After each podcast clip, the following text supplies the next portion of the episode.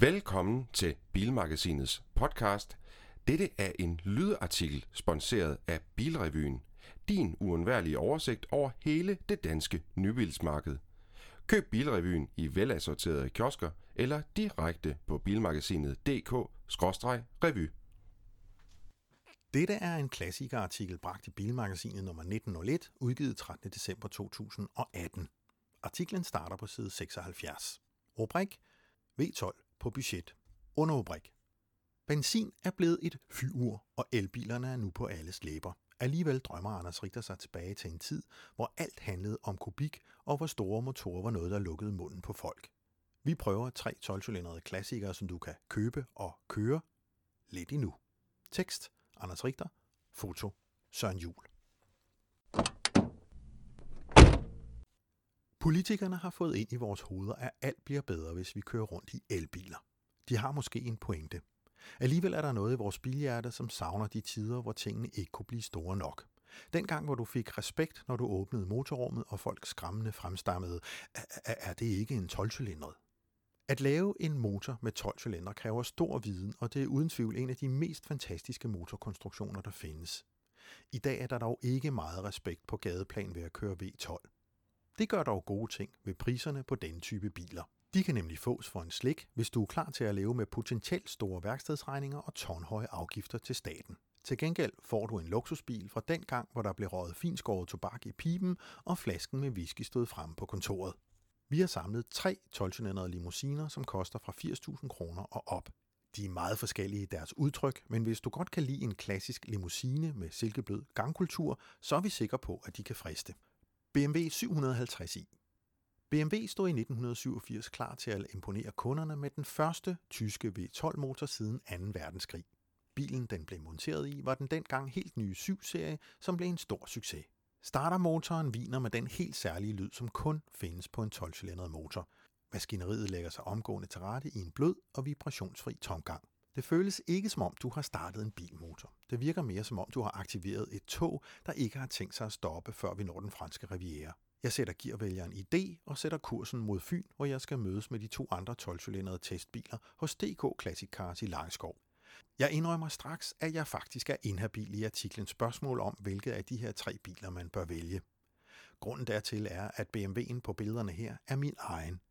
På trods af ejerskabet er jeg dog mere end ærlig over for BMW'ens storhed, samt de steder, hvor tingene fungerer mindre heldigt. I slutningen af 80'erne var BMW klar til at sende en ny generation af 7-serien på gaden. Den fik den interne kode E32, og hovedkonkurrenten var Mercedes S-klasse. BMW vidste, at de måtte finde på noget nyt, hvis de skulle være foran i kapløbet i luksusklassen. Derfor udviklede et lille team i al hemmelighed en 12 motor, som kunne passe i modellen. Prototyperne blev monteret med hængelåse på motorhjelmen, så det kun var de udvalgte ingeniører og testkører, som kunne åbne og se, hvilket kraftværk der lå under hjelmen.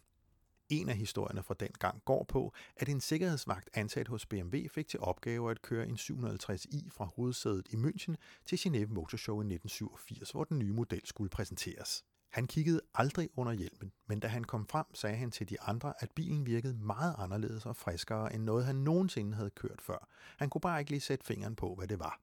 På samme biludstilling fik Mercedes og noget af en mavepuster, da de så V12'eren. De skyndte sig hjem og gik i gang med at udvikle deres egen 12 motor, som du kan læse om på de følgende sider. Allerede inden BMW 750 landede hos forhandlerne lå der 3.000 forudbestillinger på modellen. Produktionen startede i 1987 og sluttede i 1994 efter at have tæt på 50.000 producerede eksemplarer. E32 findes både med kort og med lang akselafstand. Den lange var den mest populære, mens testbilen er den korte.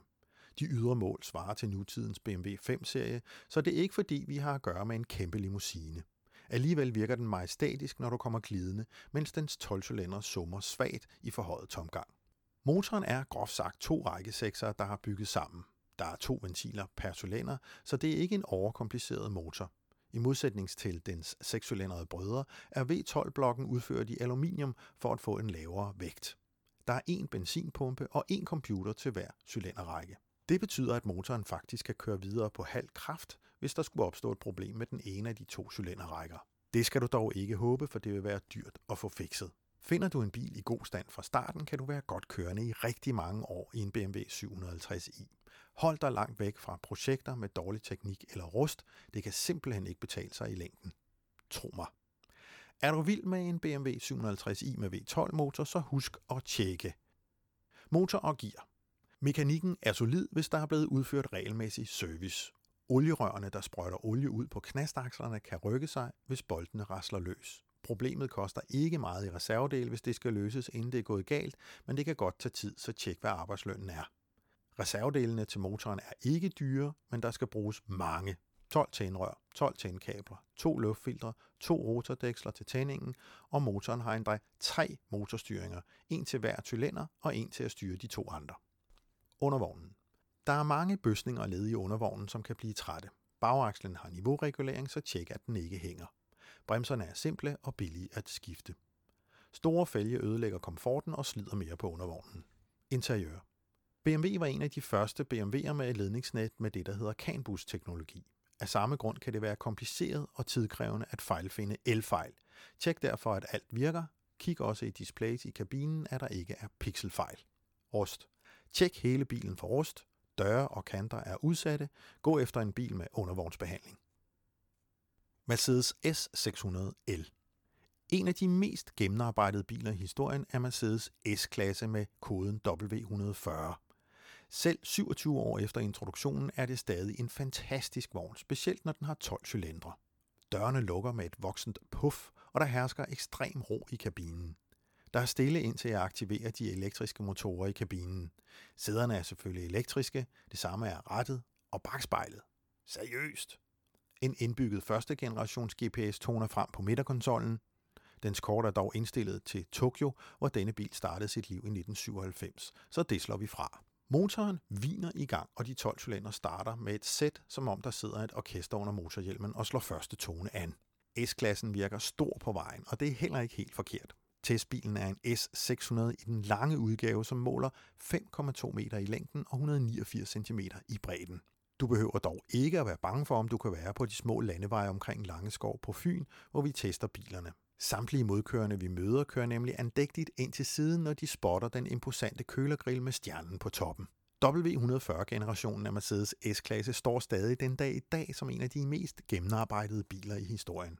Den blev født i 1991 i en tid, hvor mærket brugte en stor del af de tjente penge på at hæve kvaliteten. En strategi, de kort efter gik bort fra. Kabinen er også ekstremt luksuriøs. Alt, hvad du rører ved, har en følelse af, at der ikke er blevet sprunget over, hvor gæret er lavest nogen steder. Det er bare kvalitet.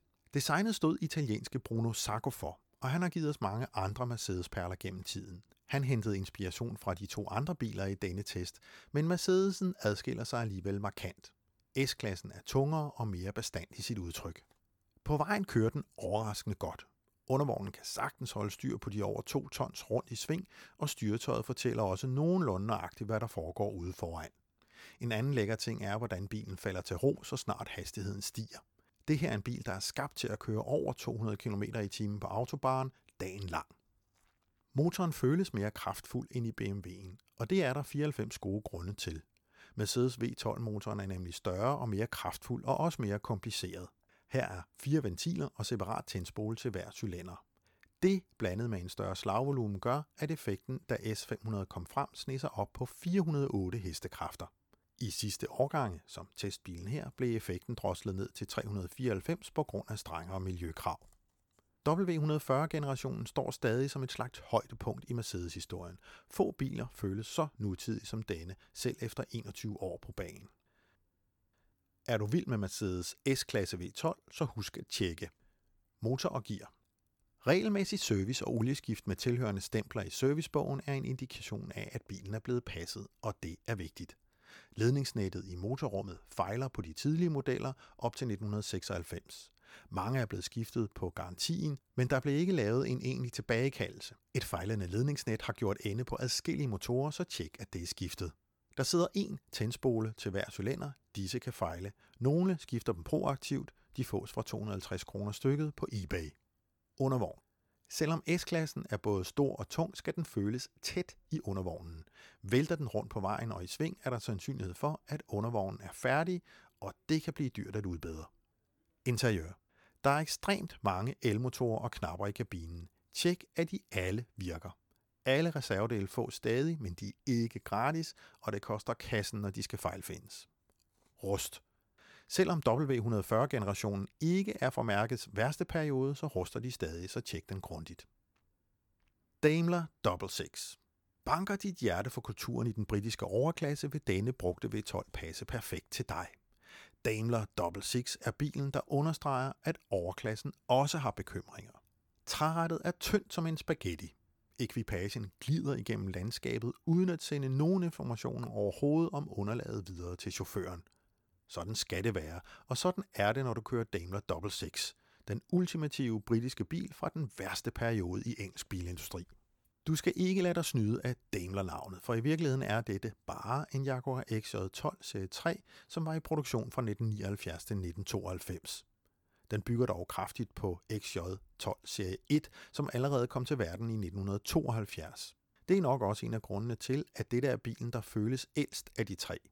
XJ-serien i tredje generation var den mest populære Jaguar i historien. På 13 år producerede Jaguar 132.952 eksemplarer af bilen, hvoraf de 10.500 var med V12-motor. Undervognen danser rundt på asfalten som en overvægtig ballerina, og styretøjet er så upræcist, at du ligner en skuespiller i en amerikansk 70'er B-film, når du kører rettet fra side til side, mens du kører lige ud. Og det er ikke fordi testbilen er slidt. Tværtimod står den nærmest i nybilstilstand med kun 52.348 km på tælleren. Det er bare sådan i en Daimler Double Six. Motoren har masser af moment, men den virker uoplagt, og der skal virkelig trykkes på speederen, før motoren vågner og leverer en acceleration, som virker andet end tilbagelænet. De 12 cylindre er desuden hæmmet af en trætrins automatgearkasse, der virker decideret oldnordisk i en bil fra 1992. Alligevel er det her en bil, der har et eller andet over sig, og det kommer bedst til syne, når du læner dig tilbage, stopper pipen ind med et skud kapstand tobak og tager det hele lidt roligt. Ja, faktisk fungerer en Daimler Double Six allerbedst, når du ankommer til et sted. Stig ud, nyd hvordan dit hoved tvinger sig rundt, når du kigger efter dit køretøj, mens du er på vej væk. Følelsen af at køre i et kunstværk er bestemt til stede i Jaguaren, og de to andre i testen mangler lidt af den magi, som Daimleren har. For at få insider-tips til livet med en 12 Jaguar limousine, hæver vi fat i Bernd Kasper, der arbejder som journalist på Biltorvet og samtidig er redaktør på Jaguar Klub Danmarks klubblad, og han er selv ejer af en XJ12, som han bruger flittigt. Han siger, da jeg gik på jagt efter en 12 Jaguar, gik jeg efter en rustfri bil med mekanik, som virkede OK. Det vil sige ikke for mange knirke, klonke og hylelyde. Knirkelyde tager tid at finde. For eksempel er der to ting dybt inde i instrumentbordet på min bil, som rasler. Det ene er blæseren, men det tager ret lang tid at skille skidtet ad, så jeg lader være med at bruge den, og jeg finder mig i den anden lyd, som kun er der en gang imellem. Aircon virker alligevel ikke, så hvis jeg vil have kulde, så åbner jeg vinduet. Hvis jeg vil have varme, skal motoren nok sørge for det, fortæller Bernd og understreger, at hvis du vil have et perfekt eksemplar, så kommer du til at betale betydeligt mere, end han betalte.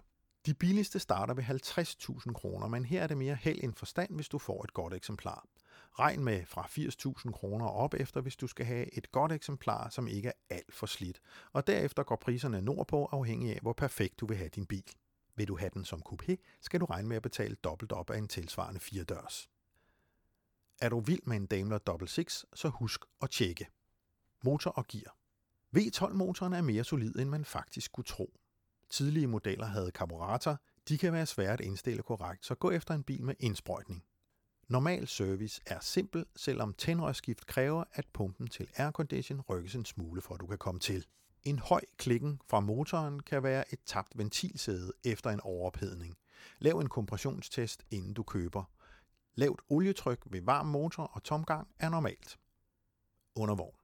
Lyt efter klonklyde fra undervognen. De kan stamme fra der, hvor støddæmper er fæstnet til inderskærmen. Det kan være bærearmsbøsninger, styrekugler eller kødben. De koster, og de er også besværlige at skifte. Hylelyde fra differentiale eller gearkasse er også vigtige at tjekke. Hvis den ryster, når du giver gas, kan det skyldes dårlig kadankryds eller dæk. Interiør. Læderet kan blive slidt. Nye kabiner fås billigt i England. Tjek, at alt virker. Også aircondition. Rust. Den største fjende er uden tvivl rust. At lave rust på en Daimler Double Six eller en XJ12 kan koste flere hundrede tusind kroner. Find derfor et rustfrit eksemplar. Det betaler sig. Denne artikel er rigt illustreret med tilhørende billedtekster, som findes i Bilmagasinet nummer 1901, udgivet 13. december 2018. Se artiklen fra side 76. Denne lydartikel var sponsoreret af Bilrevyen, din uundværlige oversigt over hele det danske nybilsmarked. Køb Bilrevyen i velassorterede kiosker eller direkte på bilmagasinet.dk-revy.